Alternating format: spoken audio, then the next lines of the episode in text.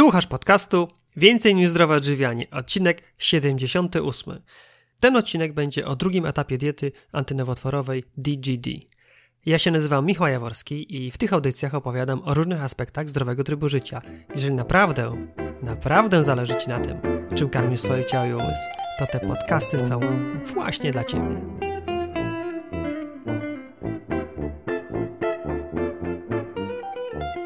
Witam Cię bardzo, bardzo serdecznie w 78 odcinku podcastu Więcej niż zdrowe odżywianie i już się nie mogę doczekać, aby zaprosić Cię do wysłuchania kolejnej rozmowy z dr Grażyną Pająk. Dzisiejsze nagranie dotyczy drugiego etapu diety DGD, diety, która stabilizuje pracę organizmu i wspiera leczenie bardzo poważnych chorób, w tym nowotworów. Na początek jedna bardzo ważna informacja. Dieta DGD nie jest substytutem klasycznej terapii przeciwnowotworowej. Ani ja, ani moja rozmówczyni nie twierdzimy, że należy porzucić tradycyjne, oparte na medycynie akademickiej terapie leczące nowotwory. To bardzo indywidualna kwestia, decyzja i każdy samodzielnie wybiera, gdzie i za pomocą jakich metod chce się leczyć. Dieta ta natomiast w fantastyczny sposób wspiera procesy leczenia, między innymi choroby nowotworowej regeneruje układ pokarmowy, przywraca równowagę i odbudowuje, pozwalając organizmowi na odzyskanie równowagi i zdrowia. Jeżeli jeszcze nie słuchałeś pierwszej części rozmowy dotyczącej diety DGD, to był odcinek 74, to zrób teraz pauzę i wróć do tego nagrania po przesłuchaniu podcastu numer 74. To bardzo ważne, bo w podcaście 74 mówimy o pierwszych 7 dniach diety, od których trzeba zacząć. W tym nagraniu natomiast kontynuujemy omawianie diety od dnia 8 do dnia 60, czyli pełne dwa miesiące. To chyba tyle na wstępie. Więcej powiem w podsumowaniu odcinka na końcu, a teraz zapraszam Cię już do wysłuchania tego odcinka. Witam serdecznie w moim podcaście ponownie. Dzień dobry, witam.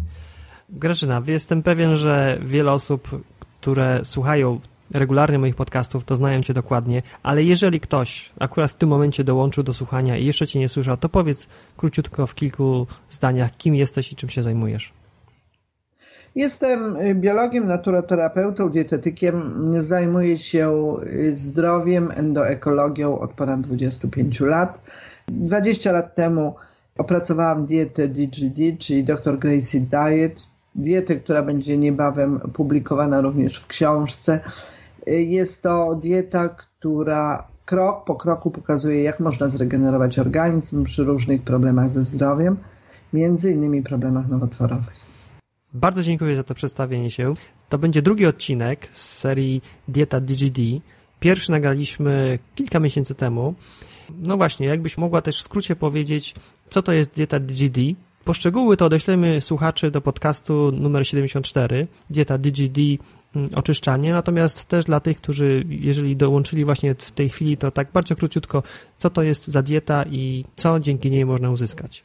Dieta DGD, czyli Dr. Gracie Diet, jest to dieta, którą w bardzo prosty i szybki sposób możemy zregenerować organizm. Dieta jest w 100% naturalna, jest bezpieczna, zdaje egzamin od 20 lat. Dwa miesiące temu, nagrywając pierwszy odcinek, omówiliśmy pierwsze 7 dni diety. Natomiast dzisiaj powinniśmy omówić dietę do końca. No właśnie, czyli to będzie od 8 dnia do 60. Tak. Dieta jest dwumiesięczna, więc pierwszym tygodniu, przez pierwsze 7 dni, mieliśmy do dyspozycji kaszę, warzywa, rosołek, między innymi masło sklarowane. To wszystko macie Państwo w pierwszym odcinku bardzo dokładnie omówione. Kończymy pierwsze 7 dni. Zaczynamy czuć się już zupełnie inaczej. Organizm jest oczyszczony na poziomie komórek, funkcjonuje znacznie lepiej. Lepiej wyglądamy. Zgubiliśmy też kilka kilogramów i zaczynamy dietę kontynuować dalej. Pierwsze 7 dni było bez białka zwierzęcego. Z produktów zwierzęcych mieliśmy do dyspozycji tylko rosołek i masło sklarowane. Natomiast dieta od ósmego dnia będzie już wzbogacona w różne produkty. Zaczynając od węglowodanów, y, zacznijmy może od kasz. W diecie tej w pierwszym tygodniu mieliśmy do dyspozycji kaszę jaglaną, osoby, które nie mogły kaszy jaglanej, miały kaszę gryczaną. Od ósmego dnia y, wprowadzamy różne kasze, ale niestety niektóre z nich musimy odstawić. I odstawiamy w tym wypadku wszystkie kasze pochodzenia pszennego, czyli samą pszenicę jako taką, ale również kaszę kuskus, grysik, orkisz, kamut, bulgur, samoprze, płaskórkę, czyli te kasze, które są odmianami pszenicy. Do tego wszystkiego odstawiamy y, graham, ponieważ jest to chleb pszennożytni. Musimy odstawić bułkę tartą, y, ponieważ ona też najczęściej jest związana z pszenicą. Oczywiście tą kupną, bo jeżeli sobie zrobimy z własnego chleba bezglutenowego, to taką możemy mieć. Odstawiamy produkty pełno i wieloziarniste, dlatego że te produkty też najczęściej mają pszenicę. Odstawiamy jęczmień, owies, żyto i kukurydzę. A powiedz, co z owsem bezglutenowym?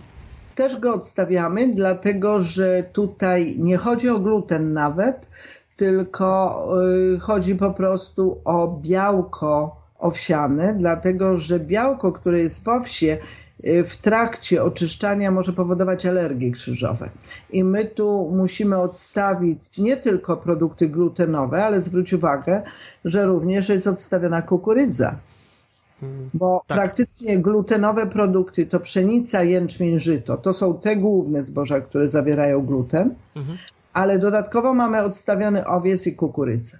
Natomiast osoby, które nie mogą kaszy jaglanej, które źle się czują po kaszy quinoa, powinny w tym czasie odstawić również e, kaszę jaglaną, czyli proso, kaszę quinoa, amarantus i nasiona chia. Dlatego, że jest grupa osób, która ma już tak podrażnione jelita wewnątrz, że również te zboża y, drażnią i powodują alergie krzyżowe przez pewien okres czasu. My potem do nich będziemy mogli wrócić. Niektórych z nich przynajmniej, nie wracamy tylko do pszenicy. Natomiast chwilowo na dwa miesiące u tych osób, które są bardzo wrażliwe i źle się czują po tych innych kaszach, też je odstawiamy. No dobrze, to co w takim razie oprócz kaszy jaglanej i kaszy gryczanej, które były dostępne w pierwszym etapie, co pozostaje jeszcze? Tutaj w pierwszym etapie, nie wiem czy pamiętasz, y, była kasza jaglana przede wszystkim, natomiast kaszę gryczaną mogły te osoby, które nie miały jaglanej, prawda, w diecie. No tak, i teraz pytam w drugim etapie, jaka kasza w takim razie jeszcze może być wprowadzona dla tych szczególnie osób, które nie mogą quinoa i nasion chia. Te osoby, które są e, bardzo wrażliwe, mają w diecie tylko mąkę z kaszy gryczanej, mąkę ryżową, kaszę gryczaną jasną, kaszę krakowską, może być kasza gryczana prażona, mają ryż ciemny, y, dziki, mogą mieć ryż basmati, Y, makaron ryżowy, makaron gryczany i miłkę abisyńską. No to całkiem dużo. Da się coś Prawda? z tego przyrządzić. Ale naprawdę. to są te osoby najbardziej wrażliwe, te, które po prostu już w ogóle sobie nie mogą dać rady z organizmem, więc w ich przypadku są tylko te trzy rośliny, czyli gryka, ryż i miłka abisyjska. Oczywiście, mimo że możemy ryż, nie możemy wafli z ciemnego ryżu i pamiętajmy o tym, że często czerwony ryż też uczula. Natomiast y, osoby, które mogły kaszę jaglaną i tak naprawdę właściwie to mogłyby większość kasz, w tym momencie będą mogły mieć kaszę gryczaną, oczywiście kaszę gryczaną jasną, ciemną, y, kaszę krakowską. Mogą mieć makaron gryczany, mają ryże tak samo, czyli tu w tym momencie ryż ciemny, dziki, Y, może być ryż basmati, może być makaron ryżowy, mąka ryżowa, ale oprócz tego mogą kaszę quinoa, mogą płatki z amarantusa i kaszy quinoa, mogą y, w tym momencie dodatkowo jeszcze na przykład popping i również mogą miłkę abisyńską jako te. Dobrze. Ja mam teraz takie pytanie, bo tak mówisz, że pewne osoby mogą kaszę jaglaną, inne nie mogą na tym pierwszym, nawet na drugim etapie. No ale po czym to poznać? Po czym mam wiedzieć, że ja robiąc tą dietę jednak nie mogę kaszy jaglanej lub na przykład nie mogę chia? Wiesz, ja po prostu w gabinecie sprawdzam synergię, więc po prostu sprawdzamy, które kasze dane osoby mogą, które nie. Ale jeżeli nie mamy możliwości sprawdzenia, to w momencie, kiedy na przykład jemy kaszę quinoa i czujemy się po niej źle, to wtedy y, najczęściej te osoby również nie tolerują amarantusa i nie tolerują nasion chia.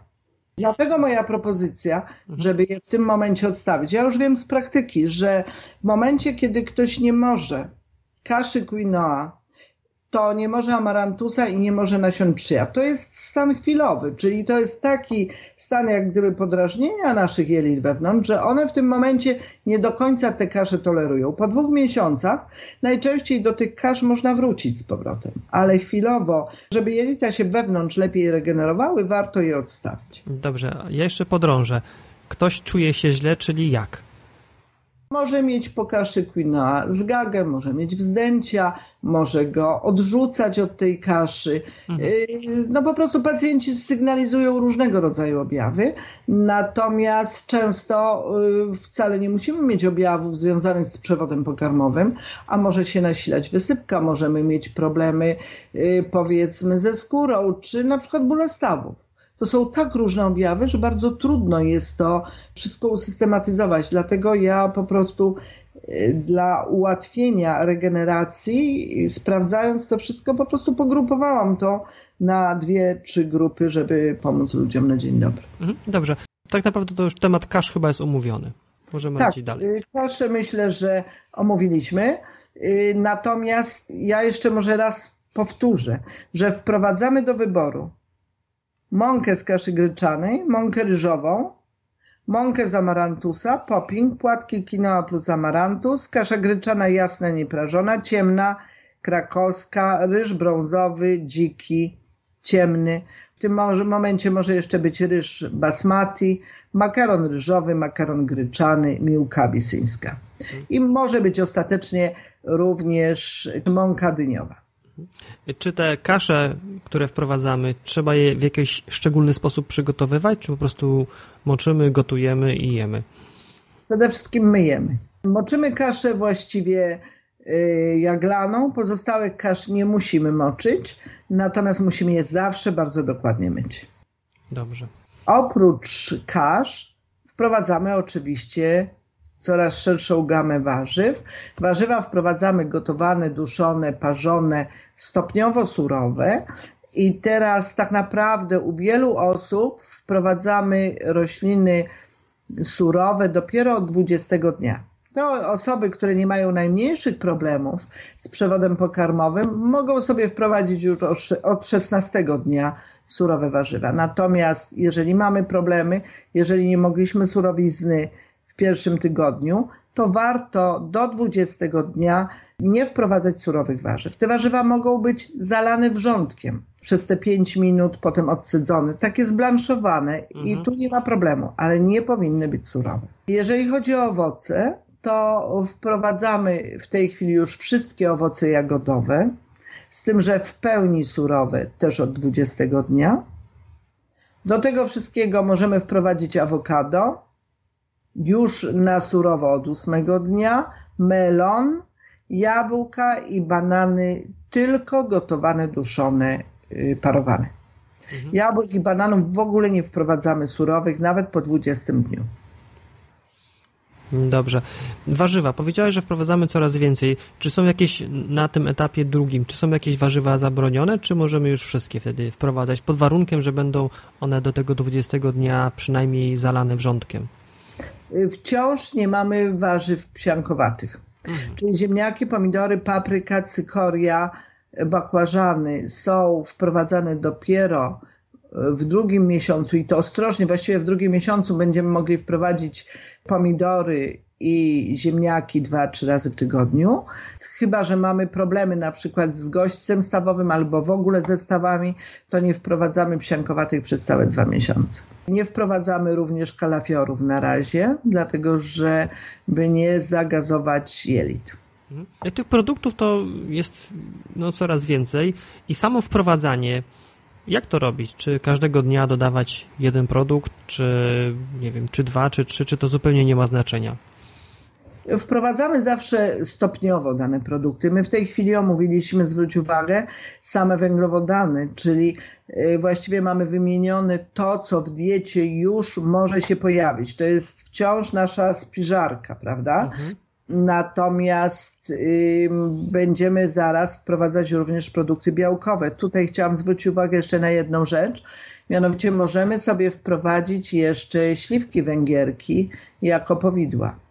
Przy czym y, śliwki węgierki y, no w tej chwili właściwie są nieosiągalne surowe, ale możemy sobie kupić dwa worki po pół kilograma mrożonych śliwek węgierek, rozgotować je, dodać do nich łyżkę masła sklarowanego, łyżkę ksylitolu i zrobić z tego powidła, które zamykamy w słoiczku. I wówczas zawsze już mamy słodki produkt, który właściwie nie zawiera cukru, z którym się nic nie dzieje, jest smaczny. Można też do tych powideł na koniec dodać na przykład uparować jeszcze ze dwa banany czy jabłka, jak ktoś lubi i właściwie dodatkowy słodki produkt w stylu powideł może być w naszej diecie. O parowaniu bananów to już wspominałaś w jednym z poprzednich odcinków, tylko to było w kontekście pasożytów które tam mogą być, o ile dobrze pamiętam. W ogóle tak naprawdę surowych bananów nie powinniśmy na razie jeść, nie jada się surowych bananów, chyba że jesteśmy w kraju, gdzie możemy banany zerwać bezpośrednio z drzewa. Natomiast te banany, które mamy na rynku, no nie są najszczęśliwsze dla naszego organizmu z dwóch względów. Po pierwsze, przez to, że one są sztucznie dojrzewane i zupełnie inaczej hodowane, jest ryzyko duże po pierwsze pasożytów, a po drugie one zaśluzowacają organizm, zwłaszcza w okresie zimowym, a poza tym osłabiają pracę czustki. I tutaj banany powinniśmy parować. Możemy je zalewać wrzątkiem już później po tych dwóch miesiącach, ale wcale nie muszą być parowane dłużej. One mogą być zalane takim bulgoczącym wrzątkiem na 5 minut. To w zupełności wystarczy. Mogą być też upieczone na maśle sklarowanym. Mogą być dodane do załóżmy wypieków, albo tak jak tutaj pokazywałam do powidem. Aha, czyli te parowanie bananów to nie tylko zniszczenie ewentualnych pasożytów, jeżeli takie tam się znajdują, ale również zmiana działania tego zmiana, owoca, tak, żeby ono nie... na tyle, że on po prostu nie zaśluzowaca w ten sposób już. Natomiast nie traci na wartości tyle, żebyśmy po prostu nie, nie mogli go jeść. No dobrze, to mamy omówione węglowodany, powiedziałaś o kaszach, powiedziałaś o warzywach i owocach, też wspominałaś o grahamie. Czy to znaczy, że możemy na tym etapie już jeść pieczywo? No, grahama jako takiego nie możemy jeść, ale możemy jeść pieczywo z dozwolonych mąk. Czyli mamy na przykład biszkopt domowy, ala pieczywo tostowe, taki zrobiony na słono od ósmego dnia. Mamy y, chleb na przykład gryczany z moczonej kaszy gryczanej. Możemy jeść chleb y, gryczano-ryżowy na zakwasie, z tym, że w pierwszym miesiącu na zakwasie gryczano-ryżowym, a dopiero od drugiego miesiąca możemy na zakwasie żytnim. I możemy na przykład chlebki pita od 16 dnia, chlebki, które y, są już na bazie dodatku kwaśnego mleka, dlatego od 16 dnia. Takie chlebki pita domowej roboty, rozumiem. Tak, tak. Do, mhm. Wszystkie te chleby muszą być domowej roboty, dlatego że musimy mieć pewność, że nie ma tam żadnej innej mąki, która mogłaby z powrotem przywrócić autoagresję i problemy w przewodzie pokarmowym. Rozumiem. Czy jeśli chodzi o temat węglowodanów, to jeszcze jest coś wartego wspomnienia? Czy... Ja myślę, że y, może na razie na tyle, a przejdźmy do białek. Właśnie. Od ósmego dnia, skoro możemy biszkopt, to możemy również jajka. I właśnie od ósmego dnia wprowadzamy jajka ekologiczne wiejskie. Prawdziwe wiejskie jajka od szczęśliwych kur jak najbardziej. Jeżeli nie mamy takich, to możemy kupować awaryjnie zurówkę bądź jedynkę, jeżeli znamy producenta. Dwójek, trójek w ogóle nie kupujemy. Mhm. Z tego typu jajek możemy robić lane ciasto z mąką z kaszy na przykład gryczanej albo ryżowej. Możemy robić jajecznicę, jajka na maśle sklarowanym, na miękko, na twardo. I również z tego typu jajek od ósmego dnia możemy robić majonez domowy. Majonez domowy robimy na oleju lnianym i ryżowym I to jest majonez, który działa jak lekarstwo. Dlatego, że połączenie kwasów tłuszczowych w oleju lnianym i oleju ryżowym dają nam proporcje kwasów omega-3, 6, 9 1 do 1 do 1. A no. ponieważ są zmiksowane z białkiem, działają bardzo dobrze, podobnie jak serek dr Budwig, z tym, że serek nie każdy może jeść, a e, ten majonez dodawany do warzyw właściwie może prawie każdy. No właśnie, co takiego się dzieje z kwasami tłuszczowymi po dodaniu do białka, że one są właśnie mają tak dobre działanie prozdrowotne? Łącząc kwasy tłuszczowe, właściwe kwasy tłuszczowe z białkiem, emulgujemy y, te kwasy i dzięki temu emulgujemy tłuszcz, który się o wiele lepiej wchłania do organizmu, ponieważ y, olej ryżowy zawiera kwasy omega-6 i omega 9, 1 do 1, a olej lniany to jest czysta omega-3. W momencie, kiedy je wszystkie razem połączymy, mamy bardzo właściwą proporcję kwasów omega-3, 6, 9, bo ta proporcja jest 1 do 1 do 1. I to są te oleje roślinne, które w bardzo dobry sposób naturalny regenerują nasze błony komórkowe i cały organizm. No to super. A taki majonez nie dość, że się robi bardzo szybko, to jeszcze y, dodatkowo po prostu on jest smaczny. On jest bardzo smaczny z warzywami, z jajkami, z rybami, które już niebawem będziemy mieć. Bo w ósmym dniu wprowadzamy jajka, natomiast w dziesiątym dniu mamy dobre, świeże ryby. I tutaj musimy zwrócić uwagę na to, aby ryby były naprawdę dobrej jakości. Nie mogą to być ryby mm, modyfikowane, nie mogą to być ryby powiedzmy sztucznie hodowane, one mają być z natury, ale w momencie, kiedy są e, z naturalnych siedlisk, możemy je jeść spokojnie nawet dwa razy dziennie. Czyli możemy jeść dobrą rybę w ciągu dnia, ale oprócz tego rybę pieczoną, którą mamy z piekarnika. No właśnie, tylko teraz pytanie, gdzie tą dobrą rybę kupić? Są sieci sklepów, w których akurat ryby są naprawdę dobre. Musimy po prostu rozglądnąć się. Jeżeli znajdziemy sobie specjalistyczny sklep, to najczęściej od osoby, która jest pasjonatą, dowiemy się bardzo dużo o rybach i myślę, że znajdziemy je. To może być dorsz dalekomorski, może być łosoś, ale dziki, może być pstrąg błękitny, może być miruna, mogą być nasze ryby jeziorne. Po prostu trzeba ich poszukać. A co powiesz o śledziach? Y, śledzie jak najbardziej, z tym, że ja unikam śledzi ze słoiczków z octem, tych wszystkich białych, bo one są wybielane. Natomiast szukam śledzi albo solonych całych, albo kupuję płaty w oleju, wylewam olej, na tackach po prostu pakowane płaty mhm. śledzi w oleju, wylewam ten olej, myję je w zimnej wodzie, osuszam, no i bez problemu mogę z tego zrobić sałatkę ze śledzi, z majonezem swoim własnym, z jajkiem. Także tutaj nie ma problemu. No dobrze, czyli ryby, dobre ryby wprowadzamy od dnia 10, gotowane, parowane, pieczone. Tak. Od dnia 16 wprowadzamy po raz pierwszy nabiał. Wprowadzamy naturalne kwaśne mleko, to może być kefir, kwaśna śmietana 18 do 30%. Jest tylko jeden warunek. Nie wprowadzamy nabiału surowego. Czyli w tym momencie ten nabiał musi być zawsze bez dodatków wszelkiego rodzaju spulchniaczy, słodkiego mleka, mleka w proszku, nawet jako dodatek. Czyli jeżeli kupujemy nabiał w sklepie, to w składzie musi być tylko mleko, przecinek kultury bakterii. Jeżeli jest cokolwiek dodane oprócz tych dwóch słów, to po prostu takiego produktu nie kupujemy. Mhm.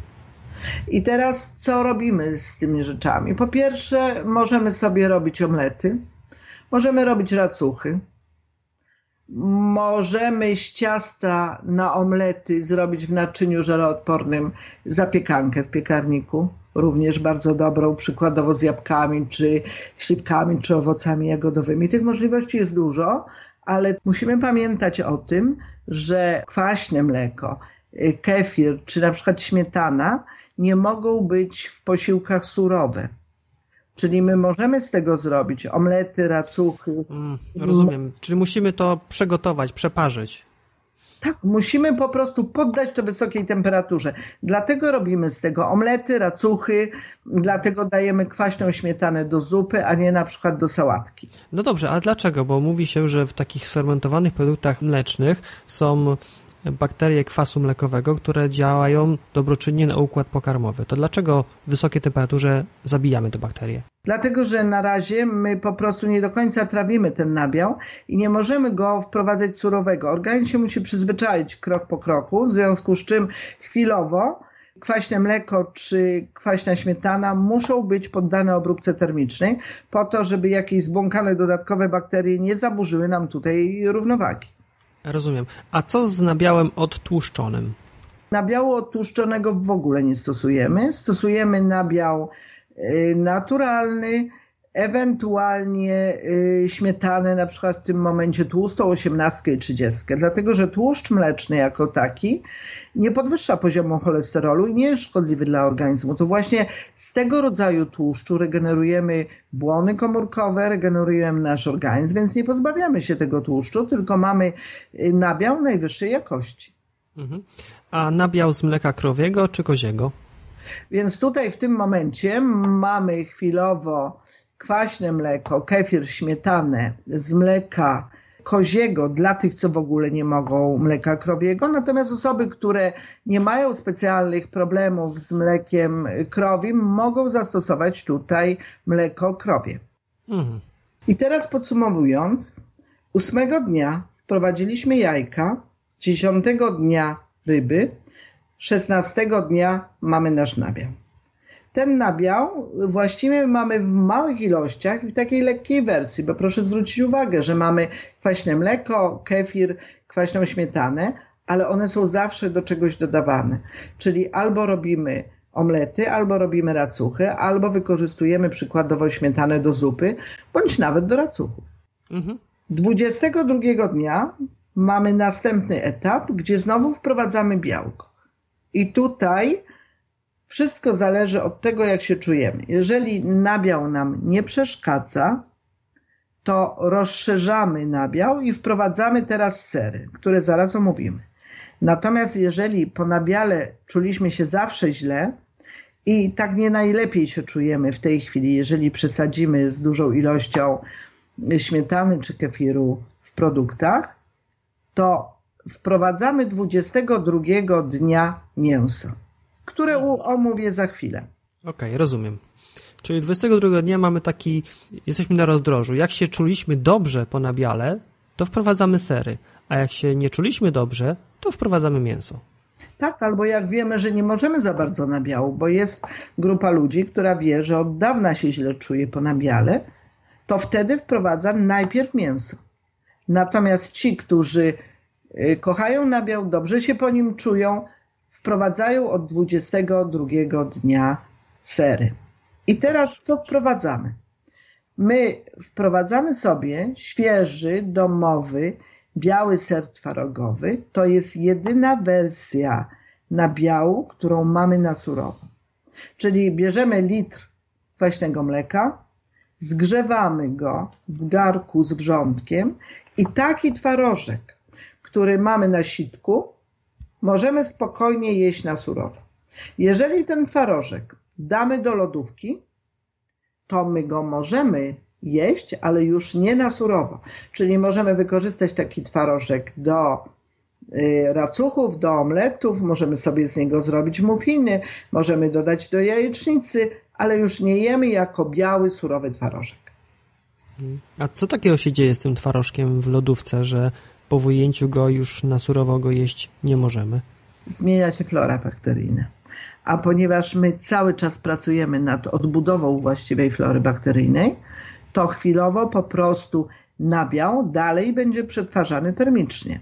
Do 60 dnia nie mamy surowego nabiału, za wyjątkiem właśnie tego twarożku. Czyli mamy ten biały domowy serek twarogowy, inne sery z mleka krowiego odstawiamy i dozwoloną mamy mozzarellę bawolą, sery kozie niewędzone, parmezan, grana padane i stuprocentową grecką fetę ona ma y, taki certyfikat, że jest z koziego i owczego mleka. I z tych serów możemy korzystać od 20 albo drugiego albo od 30 dnia. I musimy pamiętać o tym, że nie wolno nam serów chudych, słodzonych cukrem, miodem, dżemem z dodatkami słodkiego mleka, mleka w proszku. Nie wolno nam serów pleśniowych. A tą grecką fetę to zjadamy na surowo, czy trzeba ją przeparzyć? Nie, nie, nie. Tak jak mówiłam, mamy tylko biały, domowy serek twarogowy, ten sitka, który mamy na surowo. Mm. Natomiast wszystkie inne sery na razie poddajemy obróbce termicznej. Dobrze. Przy czym w momencie, kiedy nie poddajemy obróbce termicznej, już po 60 dniach nawet, sery, musimy pamiętać o jednej rzeczy, że zawsze mozzarellę i fetę wyciągniętą z opakowania powinno się zalać wrzątkiem na dwie minuty. Żeby zniszczyć te bakterie, które mogą jakoś wpłynąć które na mogą naszą się florę. Wtedy taka feta czy mozzarella są bardzo dobrze tolerowane przez organizm, nie ma najmniejszego problemu. I właściwie tak się robi od wieków, tylko my nie znamy y, tych procesów w Polsce, ale y, i Włosi, i Grecy zalewają bardzo często fetę czy mozzarellę wrzątkiem. I teraz, w momencie, kiedy mamy te sery do obróbki termicznej, to cóż robimy? Robimy sobie omlety, racuchy, mufiny, zapiekanki, placki, kluski. To mogą być przeróżne rzeczy, do których dodajemy sery. Potrawy, które się robi naprawdę bardzo szybko, które nie wymagają dużego nakładu pracy, które są smaczne, a nie zaburzają pracy naszego przewodu pokarmowego w trakcie tej regeneracji. Od 30 dnia wprowadzamy mięso, przy czym wprowadzamy mięso z małych hodowli. To może być chuda wołowina, polędwiczki wieprzowe, jagnięcina, kaczki, kury, indyki, gęsi, króliki. Wprowadzamy go 3 do 6 razy w tygodniu, zależy od tego, jaki mamy typ metaboliczny. Mięso powinno być gotowane, duszone, może być pieczone w piekarniku. Wędliny tylko domowe lub wiejskie od dobrych gospodarzy. Osoby, które mają problemy nowotworowe niestety odstawiają zupełnie wołowinę i wieprzowinę. Ale zostaje im jagnięcina, kaczki, kury, indyki, gęsi, króliki. Doszliśmy do 30 dnia i teraz tak. Osoby, które wcześniej miały sery, teraz mają mięso, natomiast te osoby, które miały mięso, właśnie w 30 dniu zaczynają jeść sery dodawane, dodawane do różnych potraw na zasadzie zapieczenia czy wzbogacenia danej potrawy. W drugim miesiącu od 31 dnia wprowadzamy rośliny strączkowe. Możemy wprowadzić fasolki szparagowe, zielony groszek, soczewice, mogą to być fasolki kolorowe, jaśki, fasolka azuki, fasolka mung, cieciorka, natomiast musimy pamiętać o tym, że nie wolno nam soi. Jak się mówi o roślinach strączkowych, to bardzo często towarzyszy temu temat, jak je przygotować, aby były lekkostrawne i żeby nie powodowały takich różnych dolegliwości. Jakie są Twoje sposoby przyrządzania tych roślin strączkowych, żeby one były maksymalnie lekkostrawne? Ja przede wszystkim wszystkie nasiona y, twarde, y, suszone moczę. Moczę w wodzie z octem i solą i po namoczeniu dokładnie je płuczę, wylewam wodę i dopiero wtedy gotuję. Do gotowania dodaję kminek, dodaję majeranek, dodaję łyżkę masła sklarowanego. Wtedy tego typu nasiona naprawdę nie dość, że są bardzo smaczne, co są również lekkostrawne. A co z soleniem? Bo ja czytałem, że strączki się powinno solić na samym końcu. Czy to ma jakieś znaczenie? Tak, rośliny strączkowe, żeby nie były twarde, żeby tak naprawdę dobrze się gotowały, to solimy właściwie pod koniec. Ja zresztą większość potraw y, solę pod koniec, dlatego że wtedy znacznie mniej soli używam. I właściwie ostatnio się zastanawiałam, jak to jest z tą solą, bo często się mówi, że sól jest białą śmiercią, że jest szkodliwa i tak dalej. I jest w tym dużo prawdy, ale nie do końca. Dlatego, że w momencie, kiedy mamy naturalną żywność, to my tej soli, jeżeli nie solimy, tak naprawdę nie dostarczamy do organizmu, a organizm potrzebuje małej ilości soli, nawet dla samej właściwej pracy układu nerwowego. Natomiast w momencie, kiedy mamy żywność przetworzoną, kupioną w sklepie, to my faktycznie dziennie zjadamy kilka łyżeczek soli prawie, bo prawie wszystko jest solone i słodzone. Tak, tak, dokładnie tak. A kiedy się zrobi wszystko od podstaw, to rzeczywiście trochę tej soli trzeba dostarczyć. Wiesz, robiąc wszystko od podstaw, robiąc w ogóle w domu normalnie jedzenie, to ty nie zużywasz dziennie nawet pół łyżeczki soli. Y, jeżeli solisz pod koniec, ja często dosalam właściwie już ugotowane produkty, to tej soli się zużywa tak mało, że kiedyś jak liczyłam tą łyżeczkę soli dziennie, to jest bardzo dużo. Mhm. Także to wszystko zależy od nas, a musimy pamiętać o tym, że nie wolno soli po prostu sztucznie jodowanej. To może być sól morska, kamienna, yy, może być himalajska, ale nie jodowana sztucznie. A już się chyba pytałem, no bo ten jod nam jest potrzebny. I co w sytuacji, jeżeli nie zjadamy tej soli jodowanej? To skąd my ten jod będziemy Każda sól zawiera jod, bo przecież sól jest pochodzenia morskiego i to nie jest tak, że to tylko nasza, nasze Morze Bałtyckie ma jod. Nie. W każdej soli jest trochę jodu, natomiast ten sztuczny jod dodawany do soli zaburza procesy, bo zwróć uwagę, że bardzo często w tej chwili się sprzedaje sól do kieszenia ogórków. Dlaczego? Dlatego, że ogórki posolone solą sztucznie jodowaną gniją, robią się pufy, bo jod dodany do tej soli nasila procesy gnilne, a nie procesy fermentacji. Mhm. Natomiast w momencie, kiedy mamy y, sól kamienną, himalajską, y, powiedzmy, czy morską, to ta sól nasila procesy fermentacji, a nie procesy gnilne. I wówczas również poprawia pracę przewodu pokarmowego w naturalny sposób, a nie utrzymuje te procesy gnilne w jelitach. Rozumiem. No dobra. To mamy strączki omówione. Tak, doszliśmy właściwie do drugiego miesiąca. W drugim miesiącu jemy wszystkie produkty, które mamy dozwolone. Czyli tak naprawdę dieta w drugim miesiącu polega na tym, że możemy jeść wszystko z tych dozwolonych produktów. Wciąż staramy się jeść około pięciu posiłków, przy czym minimum. Natomiast jak jesteśmy głodni, możemy y, zwiększyć nawet do siedmiu mniejszych posiłków, a częściej. Natomiast staramy się nie jeść żadnych produktów spoza kartki. I w tym drugim miesiącu wprowadzamy już y, pomidory i inne rośliny psiankowate, czy jeszcze nie? Możemy sobie wprowadzić ziemniaki zapiekane, albo jeżeli gotowane, to zawsze z masłem sklarowanym, ale pamiętajmy o tym, żeby ich nie wprowadzać częściej niż dwa, góra trzy razy w tygodniu. Natomiast jeżeli mamy problemy zestawami, to w ogóle nie wprowadzamy psiankowatych. Możemy sobie również wprowadzić pomidory, na przykład jako zupę pomidorową, zwłaszcza jak mamy przeciery z okresu lata, to taka zupa pomidorowa już się może spokojnie pojawić, czy od czasu do czasu dobra papryka.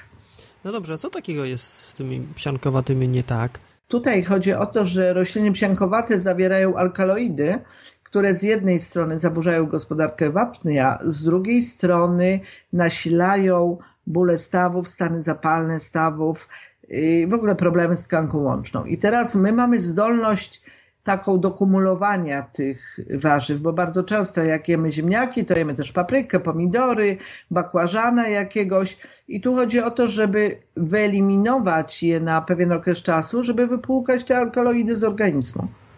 Powiedziałaś w pewnym momencie, że osoby, które mają problemy ze stawami, to w ogóle nie powinny wprowadzać. W ogóle w ciągu... Znaczy, wiesz, ja z doświadczenia wiem, że osoby, które mają na przykład gościec stawowy, w momencie, kiedy zrobią dietę i odstawią psiankowate na 3-4 miesiące, to czują bardzo wyraźne efekty pozytywne, jeżeli chodzi o pracę stawów i często widząc jaka jest y, różnica kolosalna, w ogóle ograniczają rośliny psiankowate do minimum.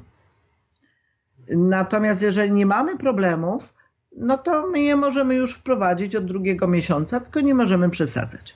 Mhm. No dobrze, czyli przeszliśmy przez y, pierwszy i drugi miesiąc, czyli tak naprawdę to już jest pełen cykl tej diety. W drugim miesiącu możemy jeść wszystkie produkty z listy dozwolonych i osoby, które nie mają problemu ze stawami, mogą również powoli wprowadzać rośliny psiankowate. No i kończy się ten drugi miesiąc i co dalej?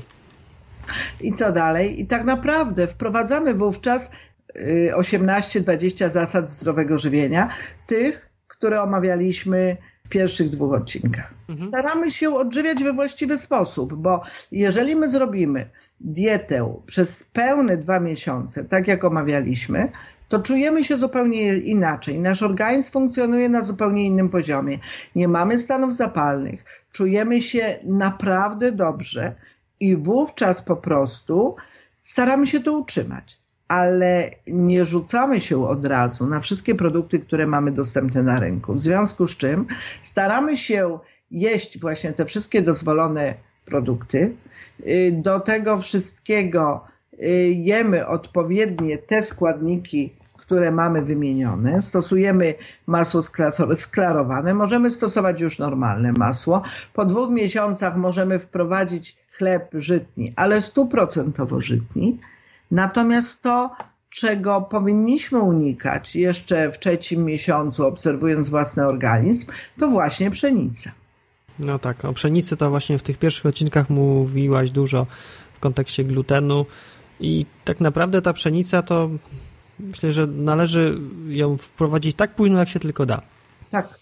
Jeżeli ją musimy wprowadzać, to starajmy się jej nie wprowadzać jeszcze przez pewien okres czasu, po to, żeby nasze jelita naprawdę zaczęły zupełnie inaczej pracować, bo te efekty są naprawdę wtedy wyraźne. Natomiast jeżeli mamy problemy nowotworowe, to my robimy te dwa miesiące diety i w zależności teraz od tego, jak się czujemy, albo dietę powtarzamy na nowo, jeżeli chcemy dalej zlikwidować stany zapalne organizmu. Czyli znowu, jak kończymy dwa miesiące, znowu wprowadzamy tydzień, wychodzimy do końca miesiąca i powtarzamy jeszcze raz. Albo po prostu obserwując organizm, odżywiamy się we właściwy sposób i czujemy się znacznie lepiej w czasie wszystkich które, terapii, które mamy zalecane przez lekarzy. Mhm. Właśnie to chciałem zapytać, jak często taką dietę można stosować? To już po części odpowiedziałaś, że jeżeli ktoś ma problemy nowotworowe, to po dwóch miesiącach tak jakby zapędla się ten cykl, czyli wraca. Ale nie powtarza tego w nieskończoność. Ja mówię mhm. o drugim cyklu. Wtedy, kiedy się coś dzieje, kiedy sobie nie dajemy rady, kiedy ten organizm już lepiej funkcjonuje, ale jeszcze, jeszcze nie do końca dobrze, to pomagamy mu jeszcze raz powtarzając dietę. Natomiast jak często? Tą dietę można robić raz na rok, można robić dwa razy w roku, można robić co kwartał. Wszystko zależy, co się dzieje z naszym organizmem. Ja przez pewien okres czasu robiłam dietę na każdych warsztatach, a ponieważ robię sześć warsztatów średnio w ciągu roku, no to co dwa miesiące tak naprawdę robiłam dietę. Ale bardzo dobrze się czułam faktycznie. No dobrze. Jeżeli teraz chodzi o dietę DGD, czyli te dwa miesiące, które się składają z dwóch etapów. Pierwszy to jest od pierwszego do siódmego dnia, a drugi od ósmego do sześćdziesiątego. Czy to już wszystko, czy jeszcze warto coś dodać do tego?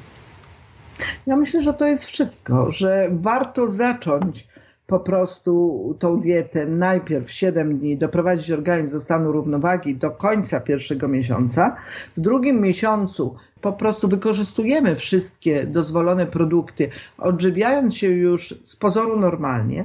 Uważamy na niestety produkty z zewnątrz, bo wtedy od razu odczujemy różnicę w samopoczuciu, ale dając szansę naszemu organizmowi w drugim miesiącu, my się wciąż regenerujemy.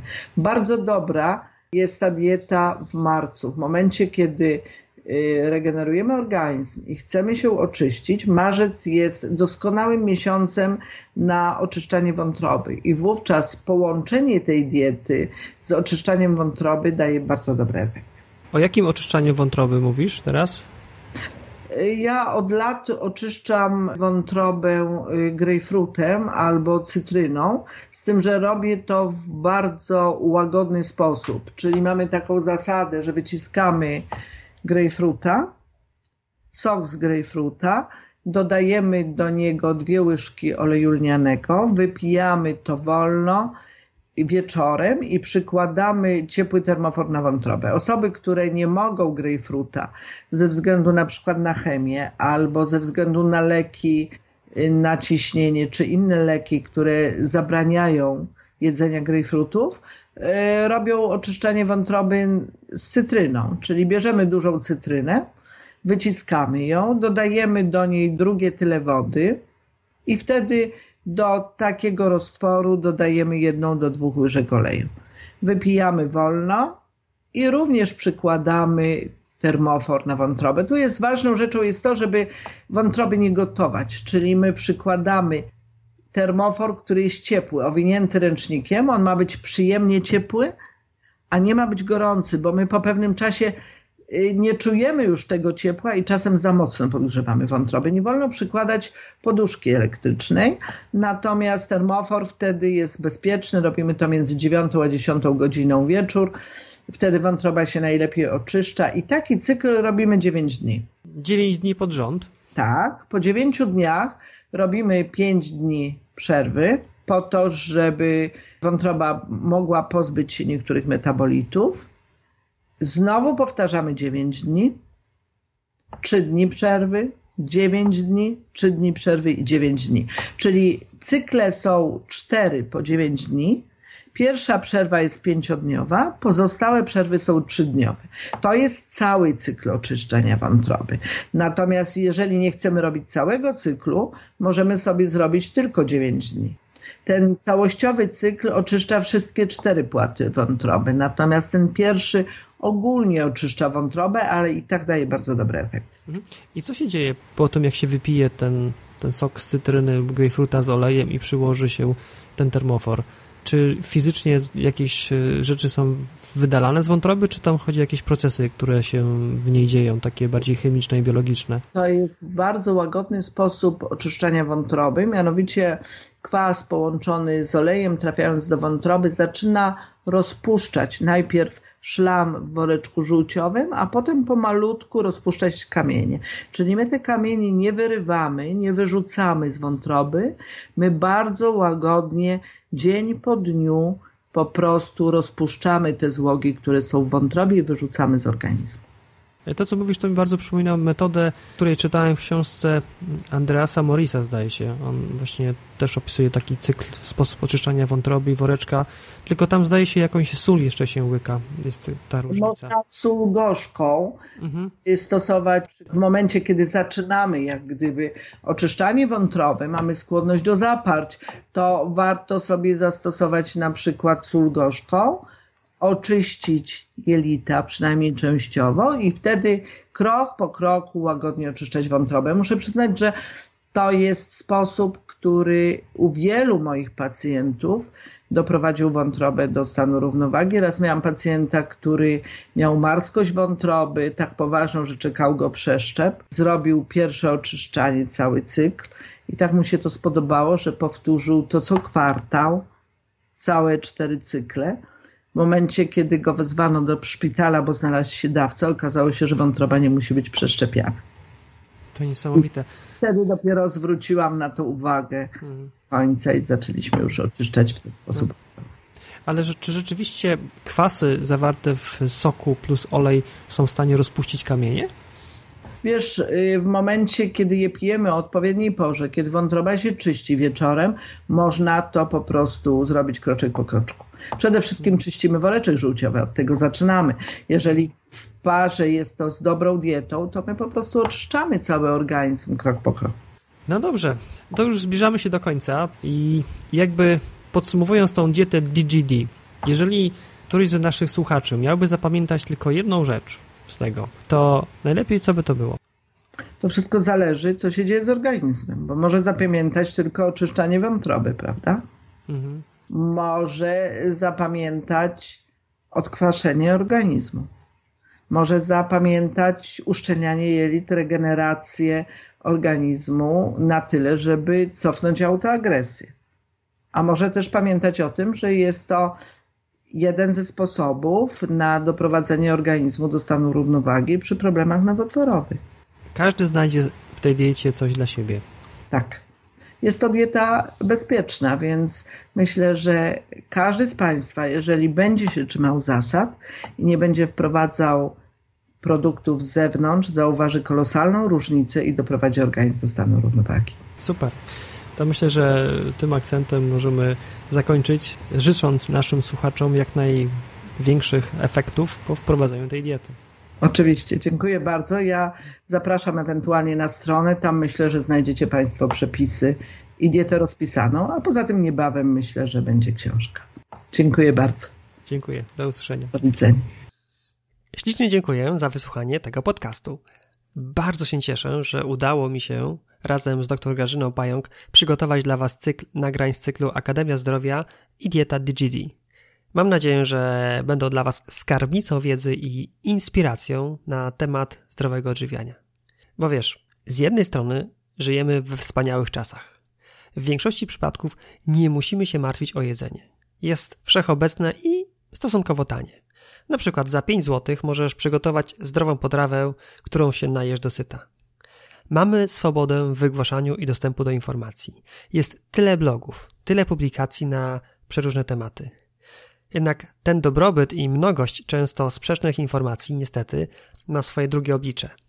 Idąc do sklepu, coraz trudniej jest podjąć decyzję. Co kupić? Masło tańsze z dodatkiem tłuszczu roślinnego, czy te droższe, które przy okazji gorzej się smaruje? Podsmażyć na oleju roślinnym czy smalcu? A może wcale tego nie robić? Stosować nabiał, czy pozbyć się go raz na zawsze? Gluten. Jeść czy nie? Co w przypadku choroby? Jaką dietę zastosować? Pytania, pytania można by mnożyć w nieskończoność. Mam nadzieję, że nagrania z cyklu Akademia Zdrowia i Dieta DGD ułatwią Wam, ułatwią Tobie podejmowanie samodzielnych, mądrych decyzji żywieniowych. Osoby, które nie mają problemów zdrowotnych, które chcą jedynie poukładać sobie w głowie, jak można jeść zdrowo, odsyłam do odcinków 57 i 59, w których po kolei omawiamy zdrowe produkty spożywcze, tłuszcze, kasze, zboża. Dla odmiany, jeżeli chcesz wiedzieć, które produkty spożywcze omijać szerokim łukiem, to polecam odcinki z tej serii numer 62 i 67. W tych odcinkach omawiamy szczegółowo, co i dlaczego nam szkodzi. No a jeżeli potrzebujesz diety wspierającej leczenie, leczenie chorób cywilizacyjnych, w tym nowotworowych, to do przesłuchania masz odcinek 74 i ten, który właśnie słuchasz. W sumie powstało 7 odcinków z cyklu Akademii Zdrowia i Dieta DGD i na chwilę obecną nie planujemy kolejnych nagrań z tej serii. Natomiast, jeżeli podcast Ci się podoba, to mam do Ciebie dwie prośby. Pierwsza, prześlij informację o tym podcaście, najlepiej z linkiem do konkretnego odcinka, przynajmniej jednej osobie. Dla mnie to szansa na zdobycie kolejnego słuchacza, a dla Ciebie satysfakcja, że zrobisz coś dobrego zarówno dla mnie, jak i dla tej osoby. Druga prośba jest taka, że jeżeli jeszcze tego nie robiłaś, robiłeś, to proszę oceń mój podcast w serwisie iTunes. Dzięki takim ocenom ja wiem, co się Tobie podoba, a co nie, i wtedy wiem, jakie tematy wybierać i jak rozwijać dalej mój podcast. Na blogu we wpisie z tym odcinkiem znajdziesz film, jak krok po kroku taką ocenę wystawić. A na koniec mam dla Ciebie jeszcze niespodziankę. Przez kilka ostatnich tygodni pracowaliśmy z Tatianą nad quizem, dzięki któremu odpowiadając na kilka prostych pytań możesz sprawdzić swoje preferencje żywieniowe. Dowiesz się, co lubisz, a co w odżywianiu sprawia Ci szczególną trudność i co ważniejsze, jak to możesz przezwyciężyć.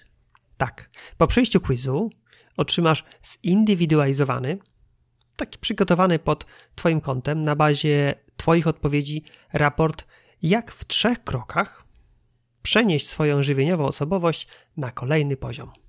Quiz jest już dostępny.